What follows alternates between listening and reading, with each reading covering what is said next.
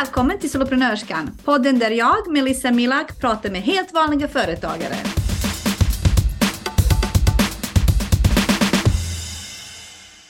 Varmt välkommen till veckans avsnitt av Soloprenörskan. Idag pratar jag med Alice och vi ska prata om rädslor och alla andra möjliga tankar och känslor kring att starta eget och att driva företag. Välkommen Alice! Yes, jättekul att prata med dig idag Melissa. Det här ska bli jätteroligt.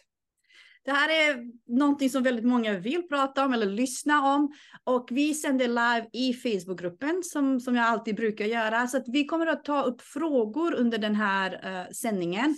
De som tittar kommer att ställa frågor förmodligen. Då kommer vi också kunna svara på frågor. Så jag kikar i Facebookgruppen medan vi kör live. Så du som tittar live nu, ställ frågor så tar vi upp dem.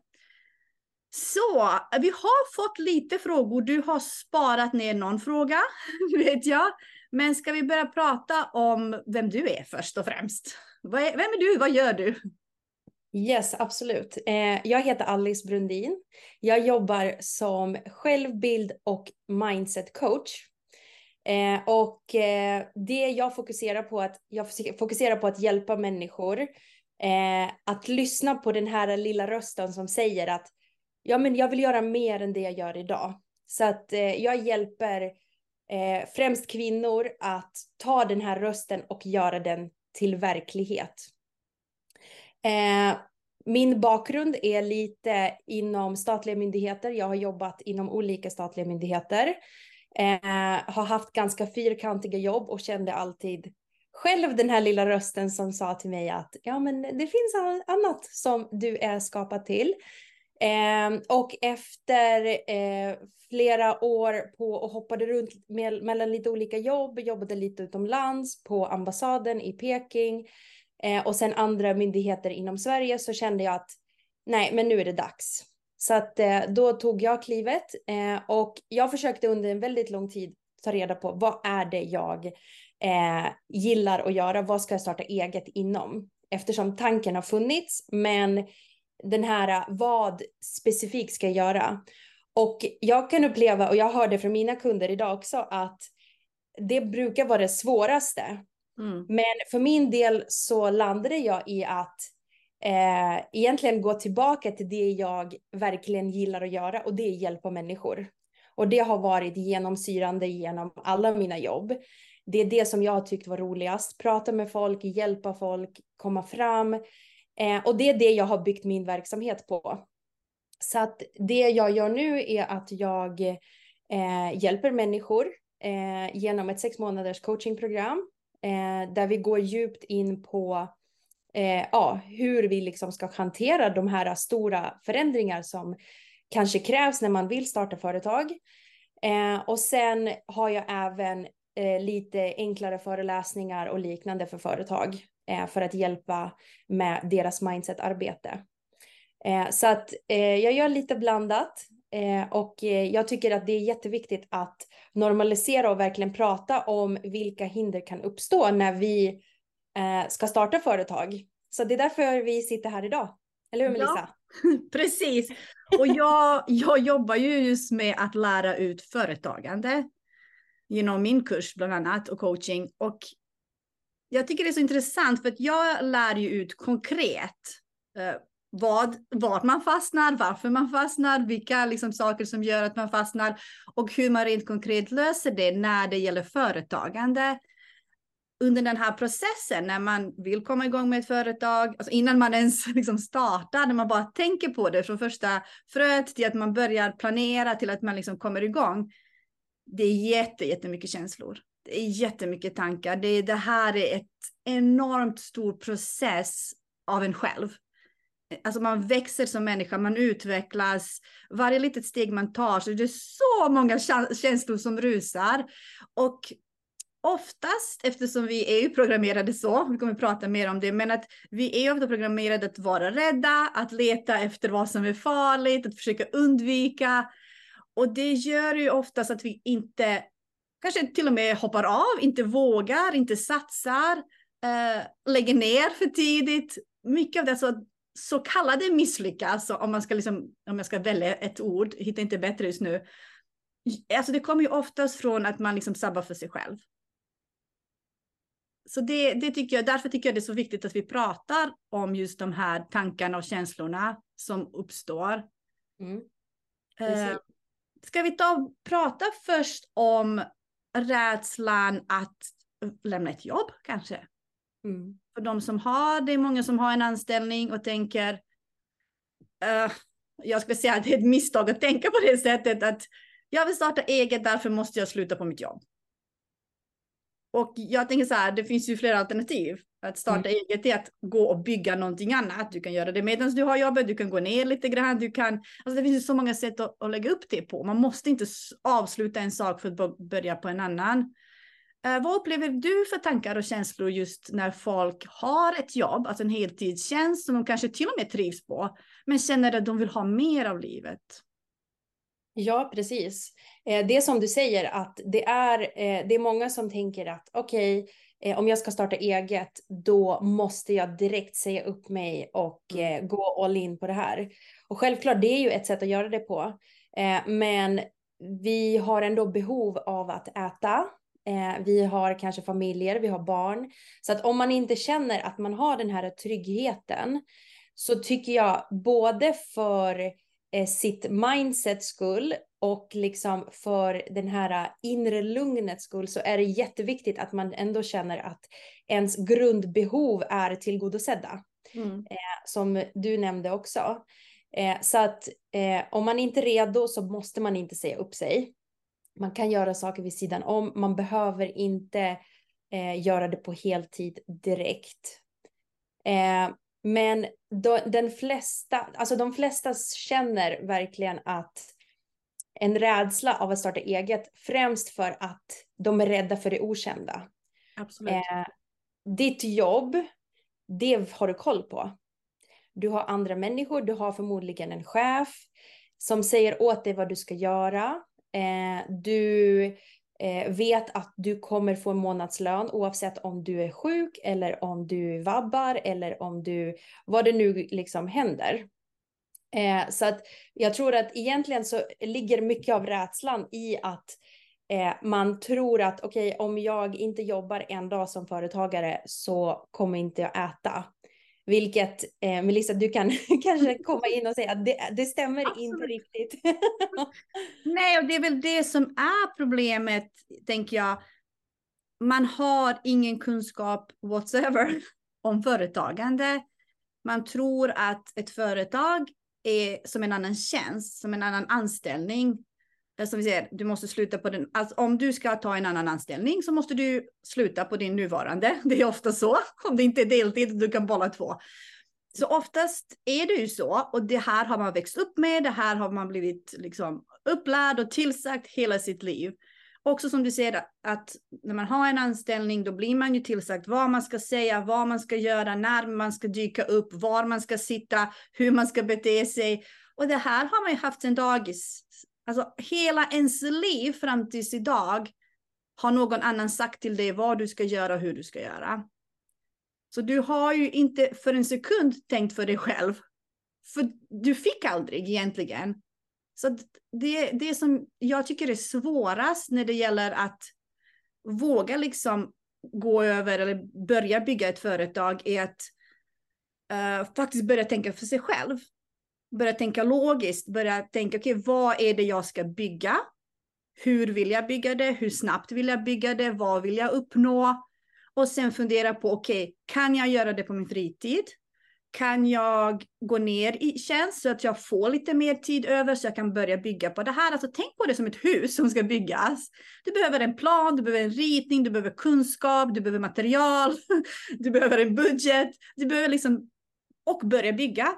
Så att jag tror det är det som är det, det första man måste bli medveten om, att du ska gå och bygga någonting som kräver både kunskap och väldigt mycket tid och tålamod och mod och liksom att våga satsa och tro på det här. Det kräver, jag skulle säga det kräver jättemycket tro på en själv, att man vågar, men också tro på att det här man bygger är en bra grej för att sen kunna liksom sälja det och förmedla till andra. Så det, det är mycket som sagt på en gång. Men det, jag tycker det är där man måste börja, att förstå att det här är inte en anställning. Du måste inte avsluta direkt utan ha en plan, räkna på det, kika på hur du ska göra den här övergången. Precis, precis. Och jag tror att det är också jätteviktigt, alltså när man har den här tryggheten, man, när man vet att eh, pengar kommer in så hjälper det också med eh, alltså den självsäkerheten att okej, okay, men jag kan våga experimentera lite, mm. jag kan våga och testa lite olika saker. Eh, så det behöver inte vara så på allvar direkt. Mm. Eh, för det tar lite tid att liksom hitta sin, sin specifika grej. Det gör det verkligen. Och speciellt om man ska jobba till exempel med coaching och liknande saker Eh, så tar det tid. Det tar tid för dig själv att förändra ditt eget mindset, att uppnå saker för dig själv, att testa det fram på vad är det du gillar att jobba med? Vilken, till exempel vilken typ av coaching, vilken typ av människor. Det tar ju så mycket tid. Jag tror en sak som är ett problem för oss i dagens samhälle, att vi vill ha quick fix. Vi vill ha snabba pengar, vi har snabba lösningar, vi är vana med liksom snabb underhållning, alltså dopamin i hjärnan, vilket också gör att man, plus det här att man är van att ha ett jobb, eh, blir att när man ska bygga ett företag så vill man ha jättesnabba resultat. Och blir inte det här företaget en jätteföretag som man tjänar jättemycket på på bara en månad, så är det lätt att ge upp. Så därför tycker jag återigen att kom ihåg, du bygger någonting, du bygger ett helt företag. Det här är någonting helt annat och därför behövs det tid. Precis. Och eh, den här, det du säger här, jag tror det är jättevanligt att man känner att okej, okay, jag blev inte en overnight success eh, mm. direkt. Ja, men då är jag inte gjort för det här.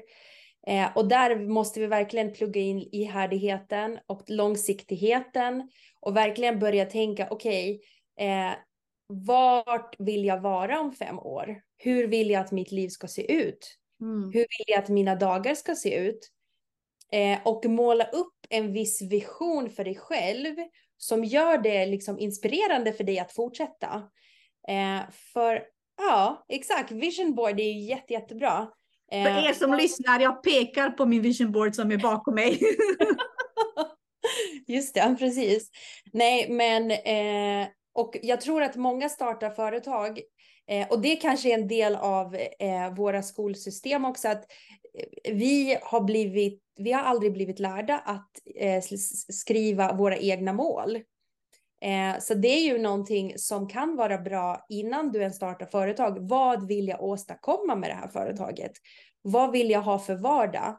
Om du till exempel vill jobba, eh, jag vet inte, fyra dagar i veckan, fyra timmar om dagen och tjäna jättemycket pengar, då finns det vissa företagsformer former som kommer inte funka för dig. Och nu menar inte jag företagsformer som aktiebolag eller eh, ja, så. Jag tänker mer på... Typ av okay, företag. Ja, men eh, om du ska sälja dina timmar mm. så eh, är du begränsad, begränsad i hur många timmar du kan sälja. Mm. Eh, om du vill eh, skära ner dina eh, tiden du jobbar helt enkelt. Så att eh, det är bra att ha en vision för att den visionen kommer att driva dig även när det känns lite hopplöst. Mm. Vilket det gör lite då och då. eh, men visionen är viktig. Verkligen viktig. Ja, och jag har ju i, i, min, i min kurs har jag ju att man, alltså innan vi ens börjar bygga ett företag så har jag lektioner där man först måste drömma. Alltså våga, sånt som, alltså vi är inte vana vid det. Våga drömma stort och våga liksom verkligen känna efter vad jag vill. Jag tror att många av oss går runt och typ drömmer. Men det är liksom mer dagdrömmar. Det är inte på riktigt. Man tror inte det är möjligt. Oh, jag önskar att jag var en prinsessa och bodde i slott eller vad det nu kan vara. Och sen går man till sitt jobb för att det är verkligheten.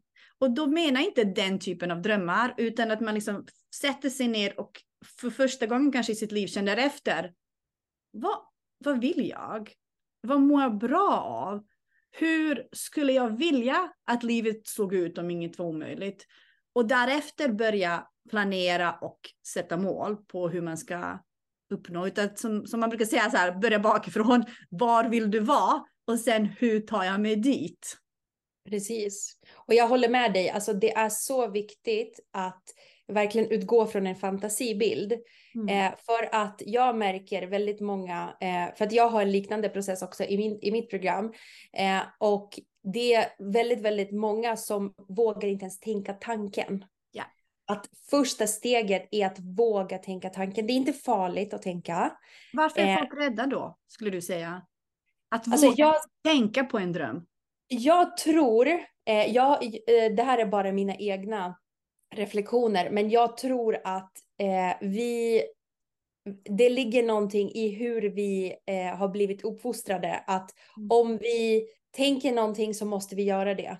Mm. Och att vi tillåter inte oss själva att liksom gå dit, gå någon annanstans med tankarna. Mm. Men om du tänker efter, alltså som barn så fantiserar man hela tiden. Ja. Men jag tror att det är skolan och det här logiska tänket som har verkligen eh, blivit en del av vår, eh, ja, vårt sätt att leva. Att okej, okay, om du tänker på någonting så måste du kunna logiskt styrka det för att ens tänka tanken. Mm. Och det, Annars det var inte löjlig eller så. Ja, precis. För att jag tror att eh, man, man har nästan ett dömande mot sig själv. Ja, men hur kan du ens tänka den, den mm. tanken? Och det är de, den här dömande rösten vi vill försöka få bort. Mm. Eh. Tror du det har en del med Jante också att göra? Vem tror du att du är? Alla andra går och jobbet och sliter och jobbar och tjänar sina pengar och jobbar heltid. Varför tror du att du ska gå, kunna jobba fyra timmar och ha det bra och vara hemma? Precis, alltså jag tror absolut eh, det finns jättemycket som ligger i det där. Eh, och du behöver knappt, du behöver inte ens höra det från andra människor. Jag tror att man gör det mot sig själv eh, också. Eh, men eh, någonting som kan verkligen hjälpa en när man startar företag överlag är att verkligen välja vem det är man pratar med. Mm.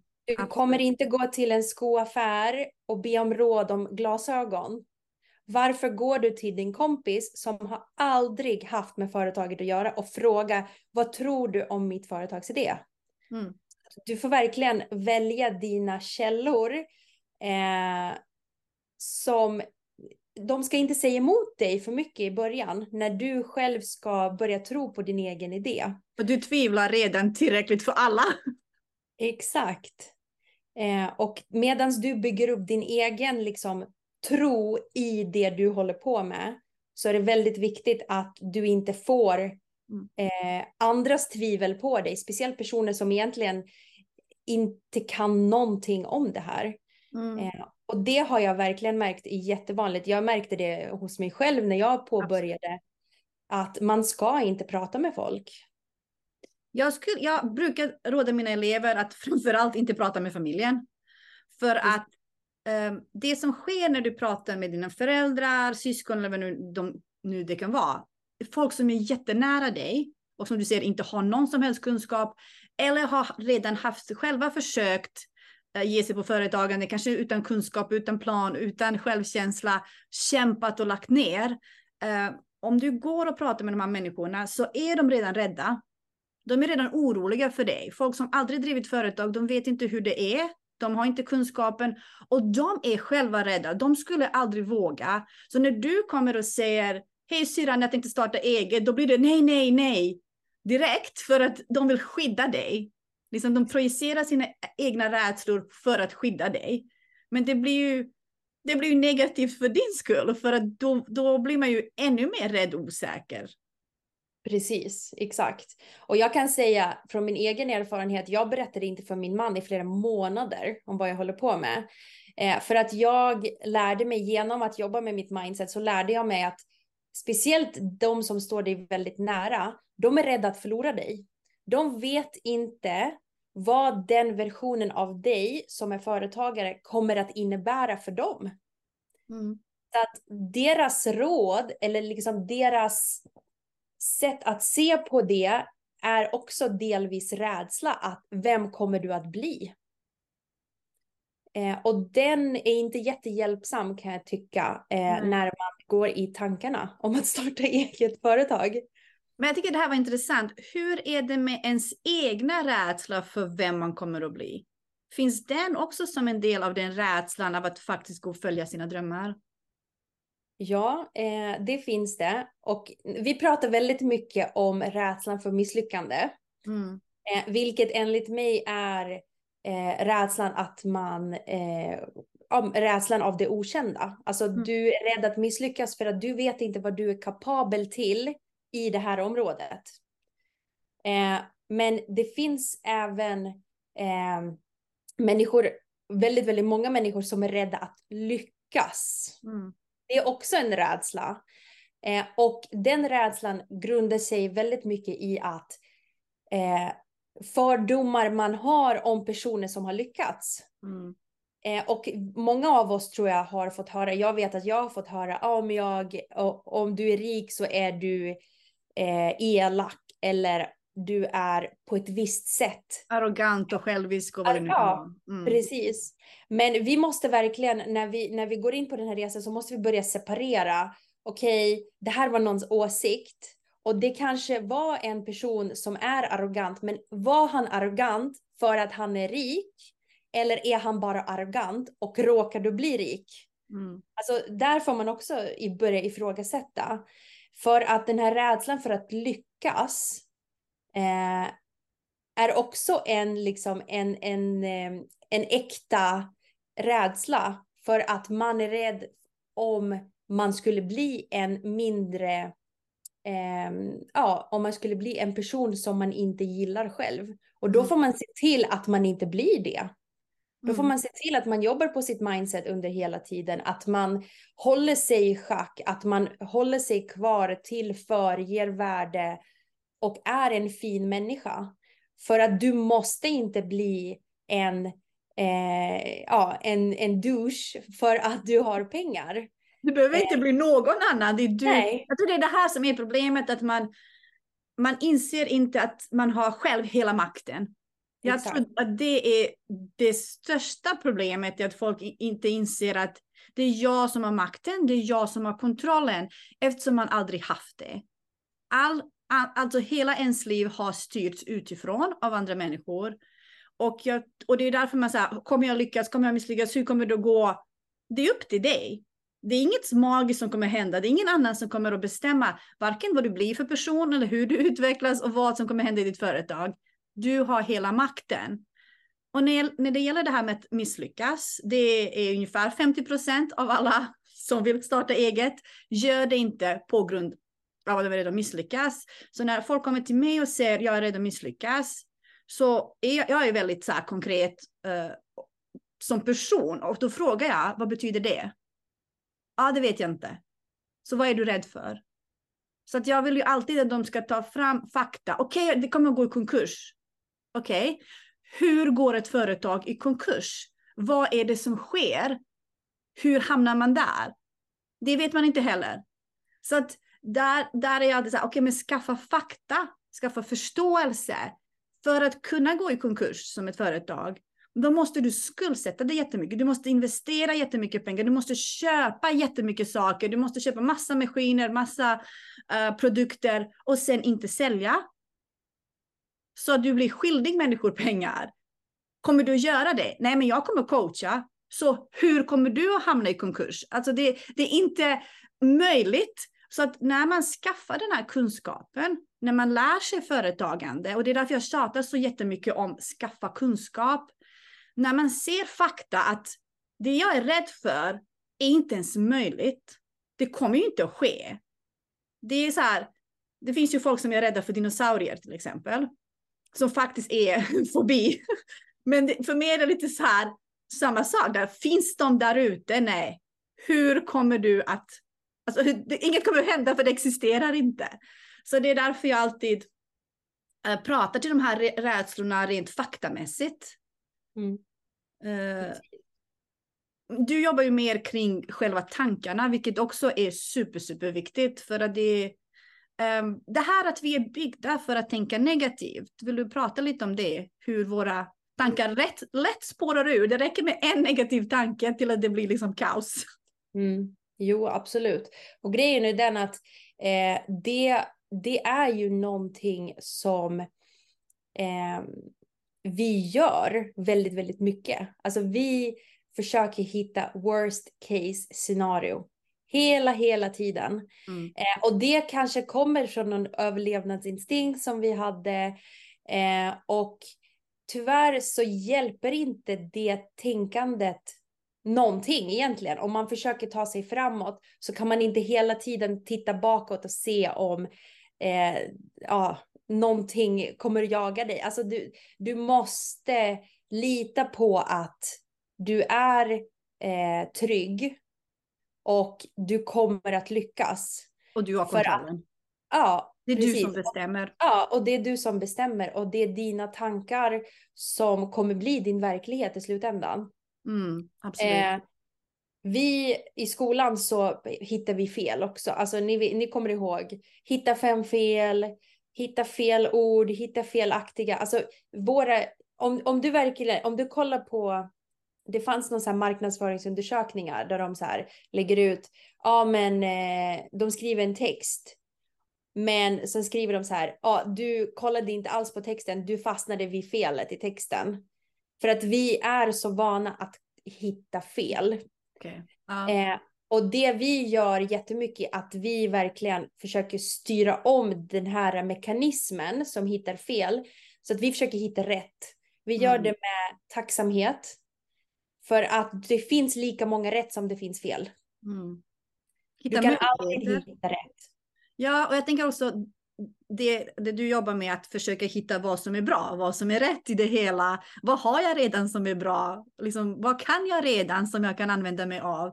Jag tycker det hjälper ju en också att lyckas, att uppnå det man vill.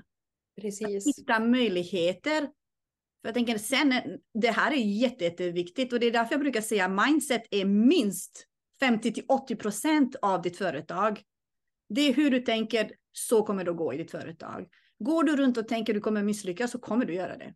Tänker du att jag fixar det här så kommer du göra det. Precis. Eh, och när man ändrar sitt sätt att tänka på det sättet så letar man efter möjligheter. Om man tänker så här, folk, folk frågar, hur ska jag marknadsföra mig? Vad vill du uppnå? Du vill, du vill nå ut. Var finns de här människorna? Okej, på vilka sätt kan du nå ut? Och när man börjar tänka så, plötsligt hittar man hundra sätt att nå ut. För att man börjar liksom fundera och söka på vad som är bra, vad som är möjligt. Precis. Man ger, alltså våra hjärnor, våra sinnen fungerar lite som magneter. Vi ger dem ett mål och sen börjar de söka åt oss. Mm. Eh, om du har någonsin köpt en röd bil och börjar se den här bilen överallt, det är ju samma sak där. Du liksom börjar intressera dig i någonting eh, och ditt undermedvetna börjar hjälpa dig. Mm. Eh, så det är ju lite hur vi jobbar också, eh, att vi verkligen hjälper dig att börja söka sig till rätt saker. Istället för att hitta fel så hittar du möjligheter, som du säger Melissa, möjligheter och liksom sätt att eh, hur kan jag uppnå mina mål?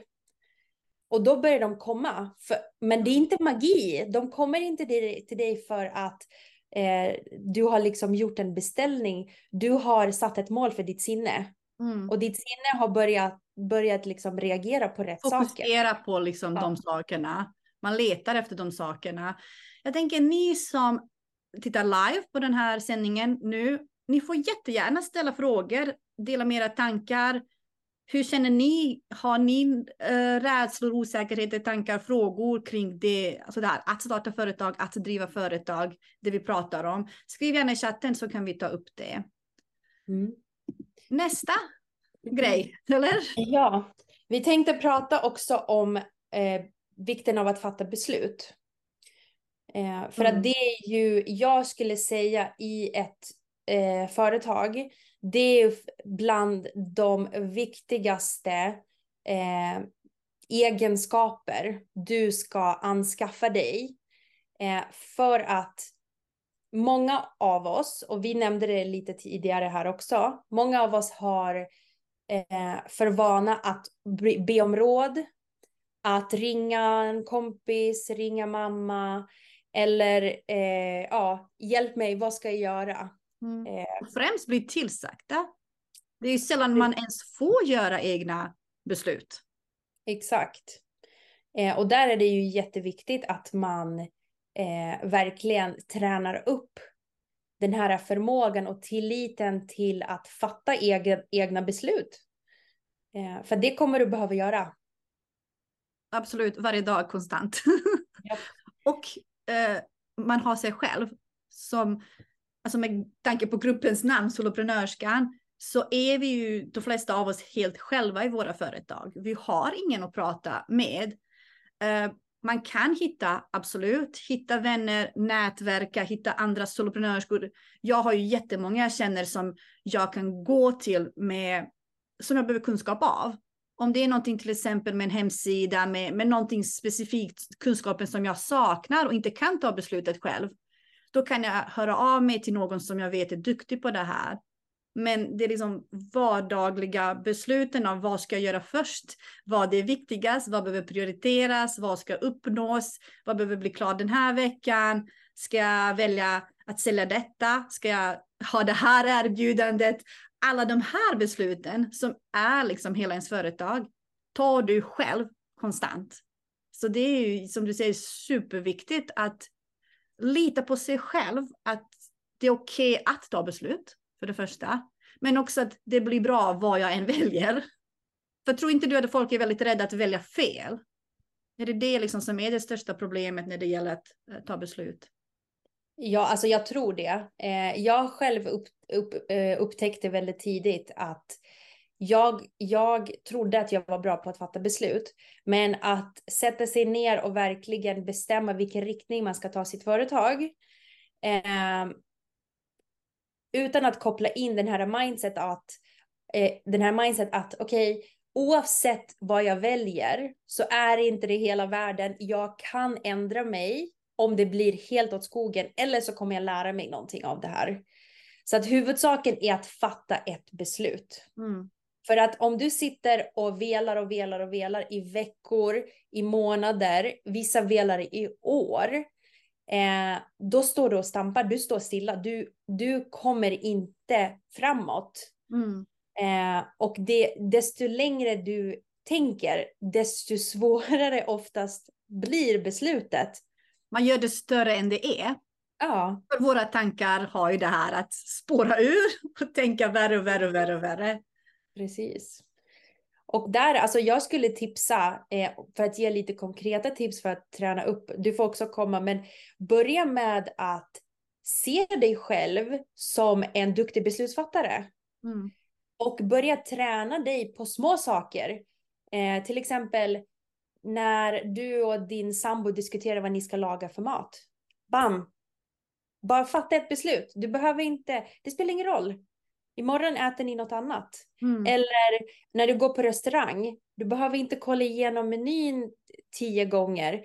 Välj någonting som ser bra ut och bara boom, fatta ett beslut. Så du kan liksom, du kan träna upp det på små saker. Eh, och börja se dig själv. Och det kommer vi lite mer in på självbilden. Men börja se dig själv som en person som är en duktig beslutsfattare. Det tycker jag är superviktigt, det du säger nu, att se sig själv. För det är också jättevanligt. Jag är inte bra på det här. Eller vill du fortsätta du? Jag, har, jag vill flika in här. nej, nej, nej, nej, men kör du. Att det, någonting som är super mega vanligt bland folk som vill lära sig företagande eller som jag liksom pratar med är jag är inte bra på matte. Jag kan inte siffror. Jag kan inte det här med budget. Jag, det, det kommer inte att gå. Och jag hör det konstant. Jag hör det från folk som inte börjat. Jag hör det från folk som drivit företag ett par år. Jag hör det från folk som drivit eget fem, tio år. För att du har bestämt att du är dålig på det. Okej, låt oss titta på det. Och jag, det, det här jag tycker är jätteroligast i min kurs. Att folk kommer säga till mig, jag är jätterädd och jag kan inte och det går inte. Och jag säger, men bara gå och gör lektionerna. Gå bara och gör övningsuppgifterna. Och sen när de har gjort dem så är de så här överlyckliga men det här var jättelätt, jag kan det här.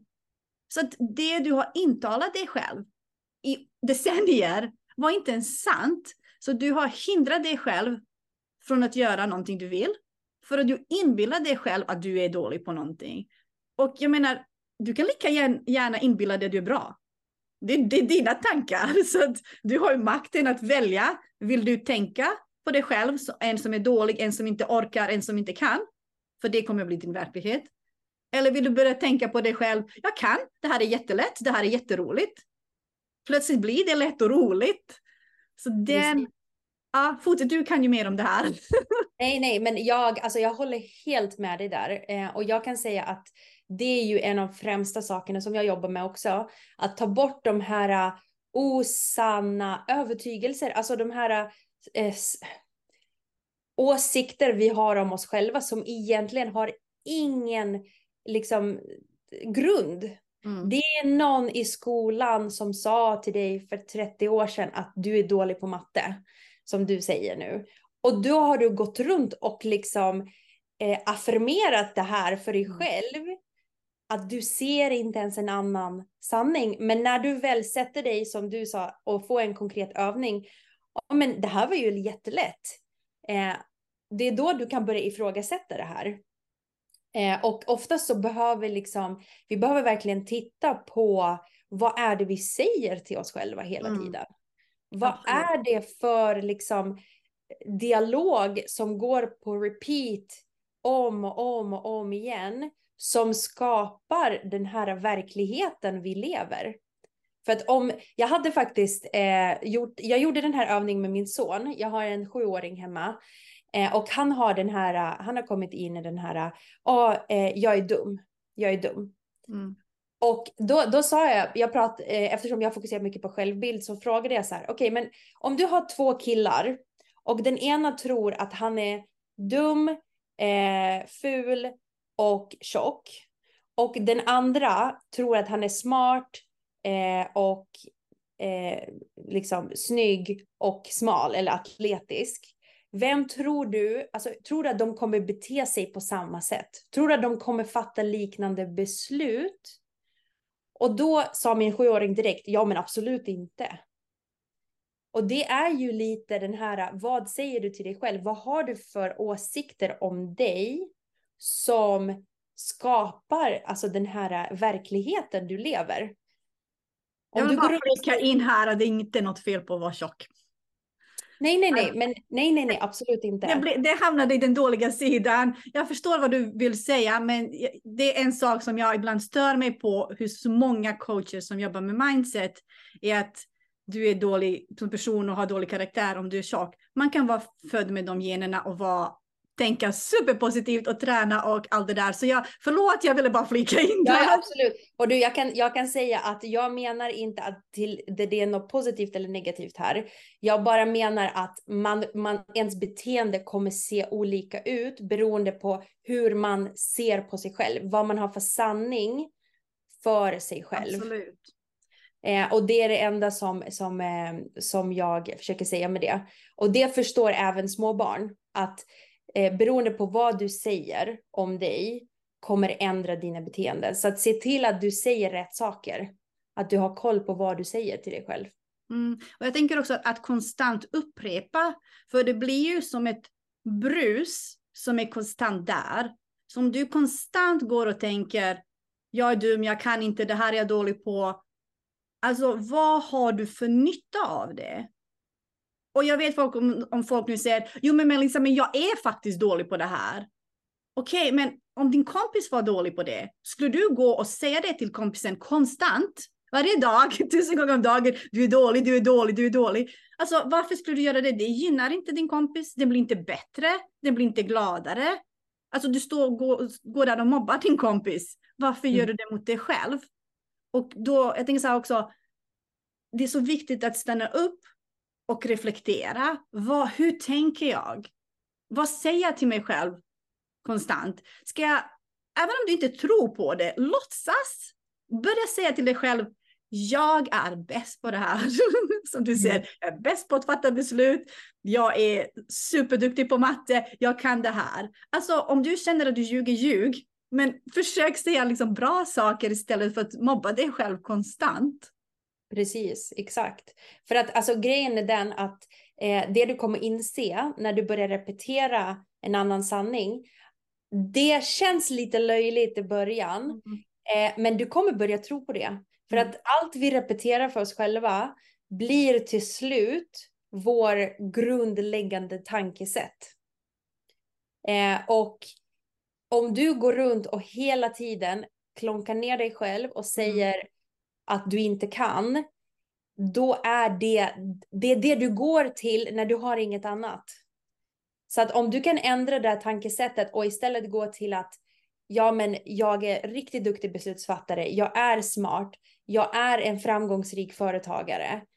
Det, det, det har inget val, det måste bli så. Mm. För att om du ser på dig, den enda personen du behöver övertala är dig själv. För att om du ser på dig själv som en viss sorts person så kommer även andra. Mm. Jag, jag har faktiskt ett konkret exempel på vad jag gjorde själv. Mm. Jag började liksom så här, tappade saker, spillde saker i köket. Och jag alltid säger, ah, men jag är inte bra på att laga mat, jag kan inte det här, jag är jätteklantig, jag är så dålig på att fokusera och vara i nuet, utan jag liksom gör saker för hastigt och därför spiller jag, alltså så. Och det här malde på. Varje gång jag var i köket så var det de här tankarna. Så att jag, jag blev helt trött på det på mig själv och bara sa, nästa gång du står där och tänker en negativ tanke, då måste du högt säga någonting trevligt om Melissa. Så att jag började göra det. Om jag tappade något så var jag så här och tänkte nu är jag där igen. Så jag, Nej, vad du är duktig Melly. Så jag började liksom säga det högt. Det var ju hur löjligt som helst. Men det som hände, och det hände väldigt, väldigt snabbt. Alltså vi pratar två dagar. Så har jag, jag slutade tappa saker. Jag slutade tänka alltså negativa, elaka saker om mig själv. Plötsligt blev jag duktig i köket. Nu kallar jag mig för hacker i köket för att jag hackar så jävla snabbt när vi ska laga mat.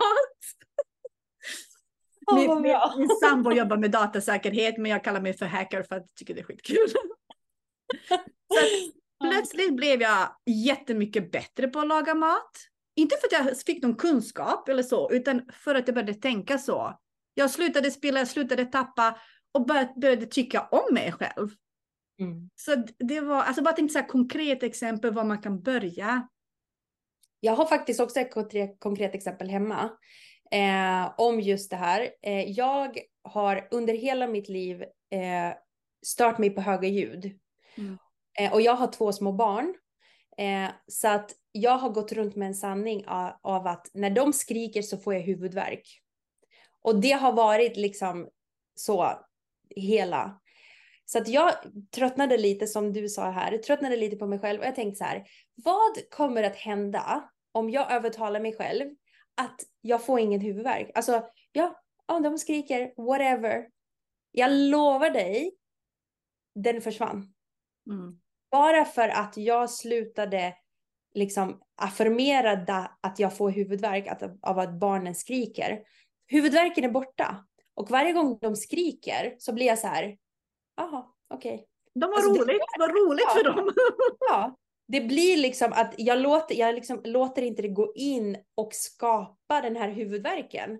Mm. Den, den bara, det bara är. Så att jag tror att eh, vi kan använda det här i jättemånga sätt. Men i företagande så eh, är det här bland det viktigaste att du får börja hitta sanningar som du känner kommer hjälpa dig i ditt företag och eh, med ditt mindset. Och om du känner att du inte vill göra det själv så kan du alltid ta kontakt med någon som kan hjälpa dig. Mm. Jag tänkte idag på det här när jag gick på min promenad idag. Jag får så många bra tankar när jag går ut och går. Men jag tänkte det här att alla borde gå till en coach. Alla borde ta hjälp. Alltså terapi också för den delen behöver vi. Men jag tänkte lite som coach Uh, det här var bara en tanke så du får säga ifrån. Men jag tänkte så här typ coach som en frisör. Alla behöver gå till frisör ibland. Och jag tänker så här, alla behöver gå till en coach också. Så det, är liksom, det blir regelbundet. Visst, man kan försöka fixa väldigt mycket själv. Man kan försöka följa målet själv. Hur bra blir det? För att är du utbildad, varför tror du att du kan lyckas lika bra som någon som har erfarenhet, som har kunskaper, som kan hjälpa dig få till det där resultatet direkt? Eller snabbare. Uh, och jag, jag tänker ju så att, att så, man borde gå liksom ofta och regelbundet och ta, få hjälp med att tänka. Helt enkelt. För vi är inte vana, vi, inte, vi har inte varit fria att tänka själva. Och som egenföretagare så är allt upp till dig. Du måste tänka själv, du måste ta besluten själv. Så där är det, hur tänker du? Håller du med att man borde gå, alla borde gå till en coach som man gör till en frisör? Alltså, vet du, jag håller helt med. Jag gick själv till en coach eh, när jag började och det var förmodligen det bästa beslutet jag gjort. Eh, och anledningen är för att jag, jag var också så här, ja men ska man verkligen betala någon? Eh, ja, det är så värt att betala någon för att slippa falla i alla groparna som man kan tänka sig mm. på, i ändå en ganska komplex process, alltså att starta eget företag. Mm. Det är inte en sak man måste lära sig, det är många, många färdigheter som man ändå behöver lära sig.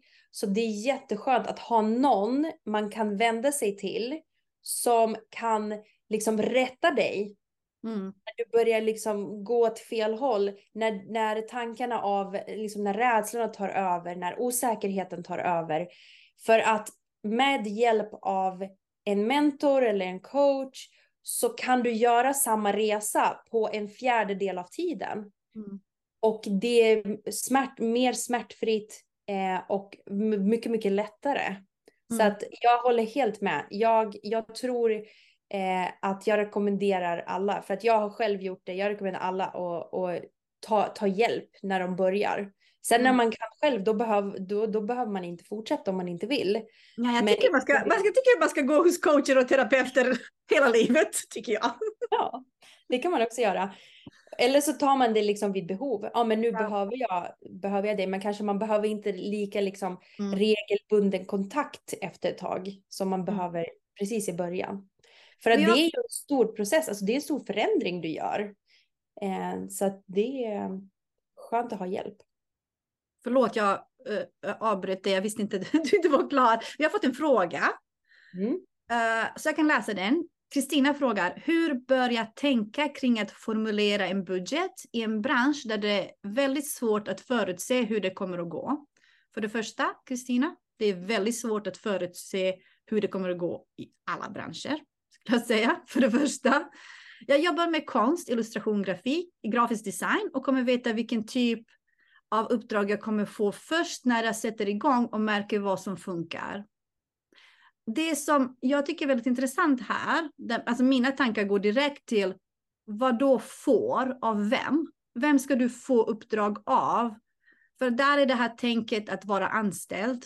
Du tror att om du startar ett företag så kommer någon annan att säga till dig vad du ska göra. Så att min fråga är, vad vill du jobba med? Vilken typ av uppdrag vill du ha? Hur ska du nå, alltså uppnå det? Vilka ska du kontakta? Vilka vill du jobba med? Så att du fokuserar, som vi pratade om det här, hur tänker jag? Var ligger mitt fokus? Var inte passiv i det här, utan det är du som bestämmer. Och samma sak när det gäller en budget. Det, I början är det ju visst, det är mycket att gissa i början. Du vet inte hur saker och ting kommer faktiskt att utvecklas. Vi kan inte se in i framtiden. Men en budget är ett sätt att planera sin framtid. Så okej, okay, vilka uppdrag vill jag ta? Hur många? Vad ska jag ta betalt? Räkna, räkna, räkna. Och sen budgeterar du efter det du vill ha. Där du tror att, liksom, eller jag ska tro, det du bestämmer dig att du ska ha och uppnå. Hur är liksom vad är målet? Vad är slutmålet för året? Det är det som är liksom budgeten. Hur vill du att året ska gå? Och hur ser du till att förverkliga det? Det är därför jag tjatar om en affärsplan hela tiden och konstant. För i affärsplan har du bland annat budgetar, men också okej, okay, hur marknadsför jag mig? Hur når jag ut? Hur når jag rätt människor? Vad vill jag göra? Vem vill jag jobba med? För att du ska liksom göra det. Så att jag tänker till dig Kristina, mitt råd i alla fall, ta makten. Bestäm, det är du som bestämmer. Se till att liksom planera och gå efter det du vill ha. Så, så skulle jag säga. Vad säger du Alice? Mm, absolut, jag håller helt med dig där. Eh, för att eh, en budget, speciellt i början, är en gissning. Alltså, och mm. egentligen, alltså budgetar är även budgetar efter början är gissningar. Du, du liksom kollar på det som har funnits innan Eh, och sen gör du en kvalificerad gissning istället. Men första budget skulle jag säga, ja, eh, så gjorde jag också, att vad, vad vill jag tjäna? Mm. Och utgå ifrån det, för att det du vill tjäna kommer också att styra vem du behöver kontakt med, hur snabbt du behöver jobba. Ja, men eh, allt kommer liksom landa så småningom. Jag skulle också säga fega inte. Det, det, är väldigt vanligt. Man är rädd, man är osäker, man vet inte. Det här typiska. Jag tycker det var en jätte, jättebra fråga. För den är supervanlig. Jag skulle säga att de flesta ställer fråga på det här sättet när det gäller budget. Så tack Kristina, du frågade. Eh, men att man vågar inte. Så kommer vi till den här frågan som jag har sett i, i gruppen tre gånger den här veckan. Eh, när folk säger, ska jag registrera mig för moms? För att om man säljer under 80 000 kronor på, då behöver man inte momsregistrera sig. Och jag tänker bara så här, men vad menar du att du ska ha mindre än 80 000 kronor i omsättning, alltså sälja totalt på ett helt år? Det är inte rimligt. Det är knappt rimligt för en månad. Så att om du redan där sätter liksom en maxförsäljning på 80 000 på ett år. Det kommer liksom, du kommer inte tjäna mer. Så redan där behöver man ju tänka på, okej, okay, vad vill jag? Hur vill jag? Uh, och hur gör jag? Precis. Och visst, det är, jag tänker så här, man kan na, som, um, för de som aldrig tänkt budget, man tänker att det är någonting företag och det är farligt och det är så. Okej, okay, stanna upp och fundera på budgetar du redan har gjort i ditt liv budget, matbudget har du gjort. Hur mycket mat kommer vi äta den här månaden? Vad är rimligt? Vad är troligt? Du ska på semester. Du har semesterbudget. Vad kostar flyget? Vad kostar hotellet? Vilka grejer ska vi göra på där, när vi är där? Uh, ska, vilka ställen ska vi besöka?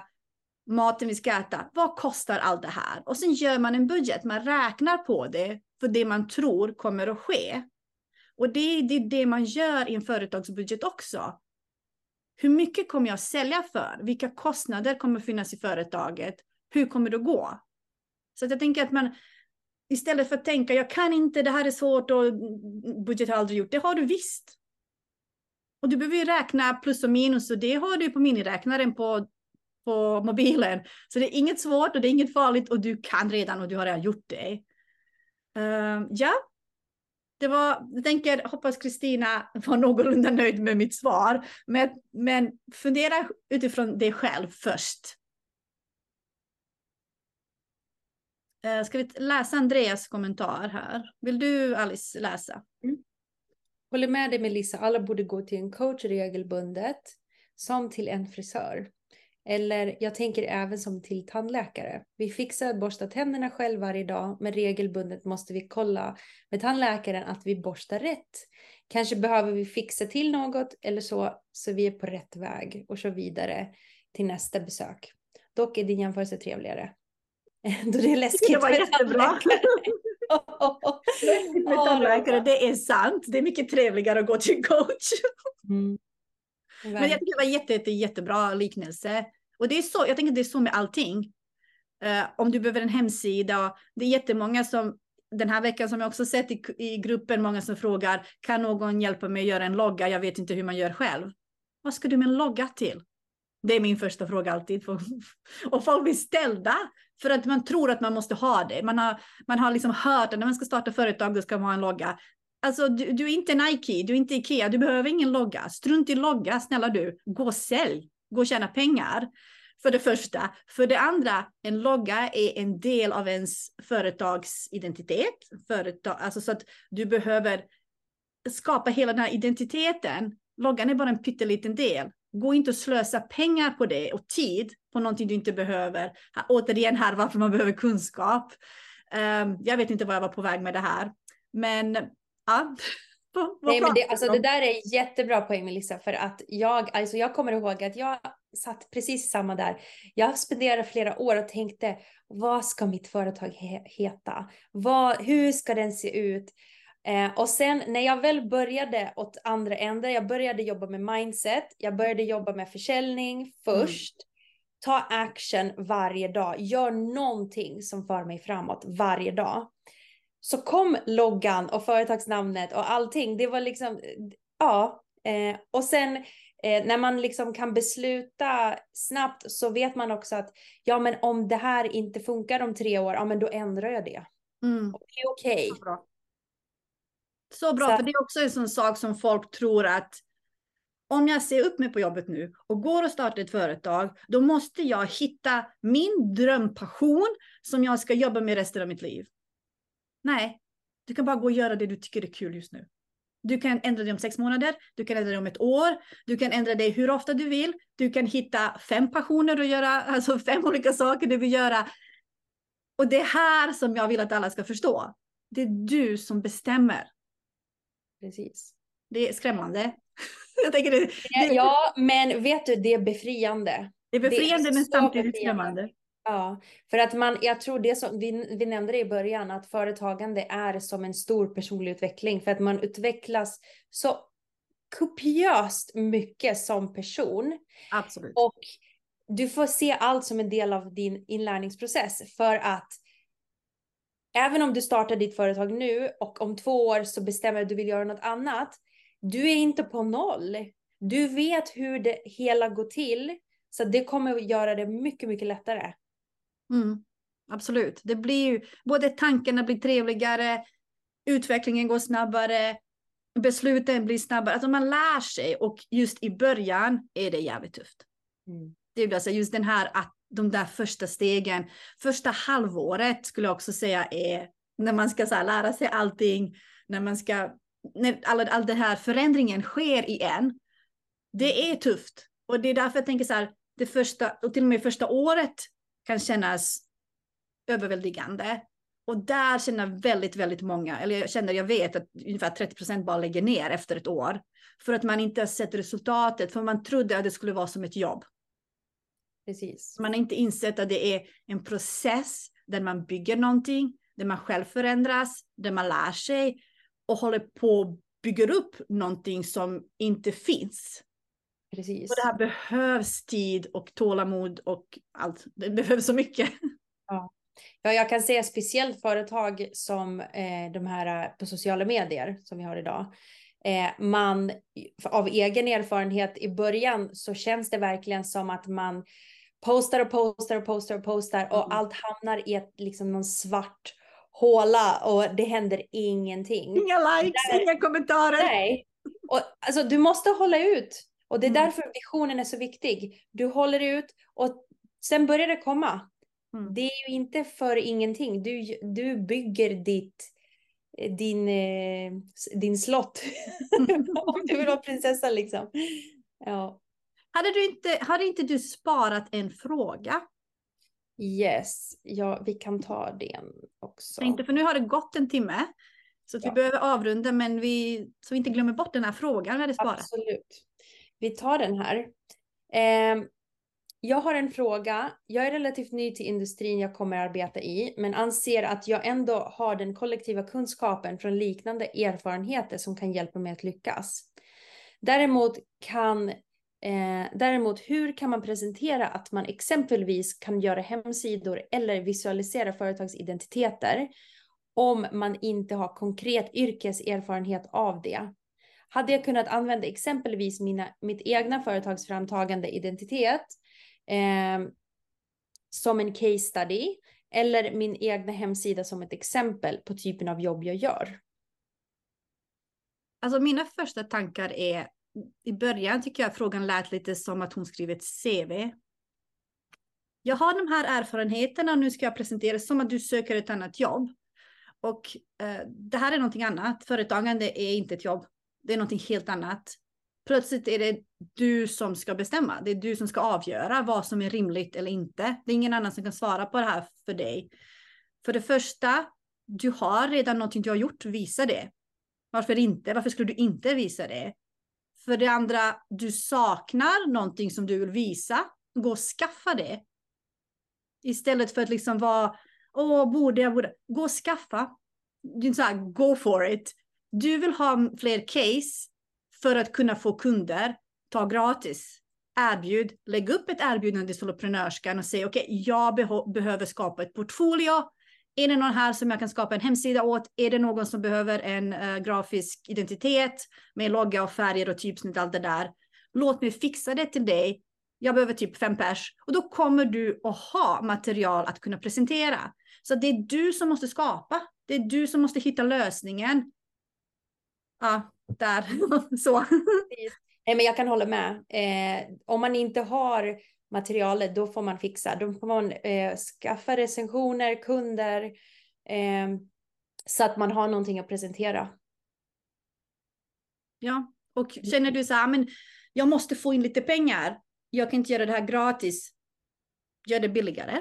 Men grejen är att du behöver skapa någonting. Så att det, som jag sa innan, det är som att bygga ett hus. Du kan inte stå vid det här hålet som du har börjat gräva och så har du ingen material. Du kan inte bygga huset för du har liksom inga stenar eller vad man bygger hus av. Plankor, jag vet inte. Men alltså, så att man kan inte bara stå där utan man måste ta ett beslut. Vad är det som kommer att göra? Hur skaffar jag? Hur hittar jag? Hur löser jag det här problemet? För det är det som är att ta beslut, lösa problem. Att se jag, jag, märker också att det är en sån sak när man, man inte är van att vara problemlösare, för man har alltid blivit tillsagd. Och att istället för att se allt som jobbigt och ett problem, jag är så här, jag, jag älskar problem, för jag blir så nyfiken. För jag tänker så här, oj vad spännande, hur löser jag det här? Så jag tror det är sån mindset-skifte som man måste ha som företagare. Hur löser jag det här? Det här är vad som sker just nu. Hur löser jag det här? Och inte tänka, åh det här är jobbigt, jag vet inte, och sen ger man upp. Utan Precis. var nyfiken och hitta lösningar. Ja, och där är det som du sa, det är ju liksom den här mindset-skiftet från jag kan inte det här till hur kan jag hur kan jag det här? Hur mm. ser jag till att jag kan? Eh, och det är ju, jag tror det är den förmodligen viktigaste man kan göra eh, både för sitt liv men även för sitt företag. Att man inte liksom stänger ut sig själv bakom en jag inte kan, men öppnar upp eh, både liksom tankebanorna och eh, kreativiteten och ställa frågor. Okej, okay, hur kan jag få till det här, det här eller det här eh, på bästa sätt? Så det är ju eh, väldigt, väldigt viktigt. Mm. Jag tror en, en annan grej med den här frågan är att jag har ett företag, jag ska tjäna pengar, men jag har inget att visa. Uh, och det är för att man hör alla säga, du måste ta bra betalt, du måste räkna på. Du bygger upp någonting. Det tar tid innan du kan börja ta betalt. Jag vill bara klargöra det här. Har du inte material så behöver du ta fram den. Och ibland i början så behöver du coacha gratis, du behöver skapa någon hemsida gratis, du behöver göra saker för att ha material, för att kunna visa upp vad du kan och för att kunna ha referenser. För det är också superviktigt. Så att som sagt, det är inte ett jobb. Det är inte så att du går och får tjänsten och så får du lön första månaden. Det kan dröja ett halvår innan du får lön. För du håller på och bygger och du måste skapa den här lönen. Ja, det var väl det jag hade. Har du någonting att säga så här i slutet? För vi behöver avrunda nu, Alice. Nej, men jag tänker att eh, jättekul att få komma hit och prata lite. Och jag tänker att om du känner att du inte kan, du inte tror att du kan, så vet du, eh, du kan höra av dig till oss. Eh, Var hittar man dig om man vill prata med dig? Ja, eh, jag har, eh, ni hittar mig enklast på Instagram, Alice Brundin 2.0. Där lägger jag ut väldigt mycket. Eh, sen har jag även min egen eh, Facebookgrupp där vi pratar om mindset, tankarnas kraft. Och jag brukar ha lite eh, mindset challenge lite då och då. För Vad heter att, liksom, den? Den heter The Cure Academy, heter gruppen. Så att det är bara att söka dit. Vi får länka under den här liven eh, i gruppen Soloprenörskan. Så om du lyssnar på podden just nu så gå in i gruppen Soloprenörskan, leta fram den här livesändningen så kommer det finnas länkar också. Eh, och mig hittar ni alltid på envisare.se eh, och envisare på Instagram. Supertack för idag Alice för att du var med. Ja, jätte, jättekul. Jag, eh, det här, jag, jag hoppas att eh, ni har fått lite värde och eh, det är bara att höra av er om ni undrar över någonting. Tack alla som lyssnat och tittat. Hej då!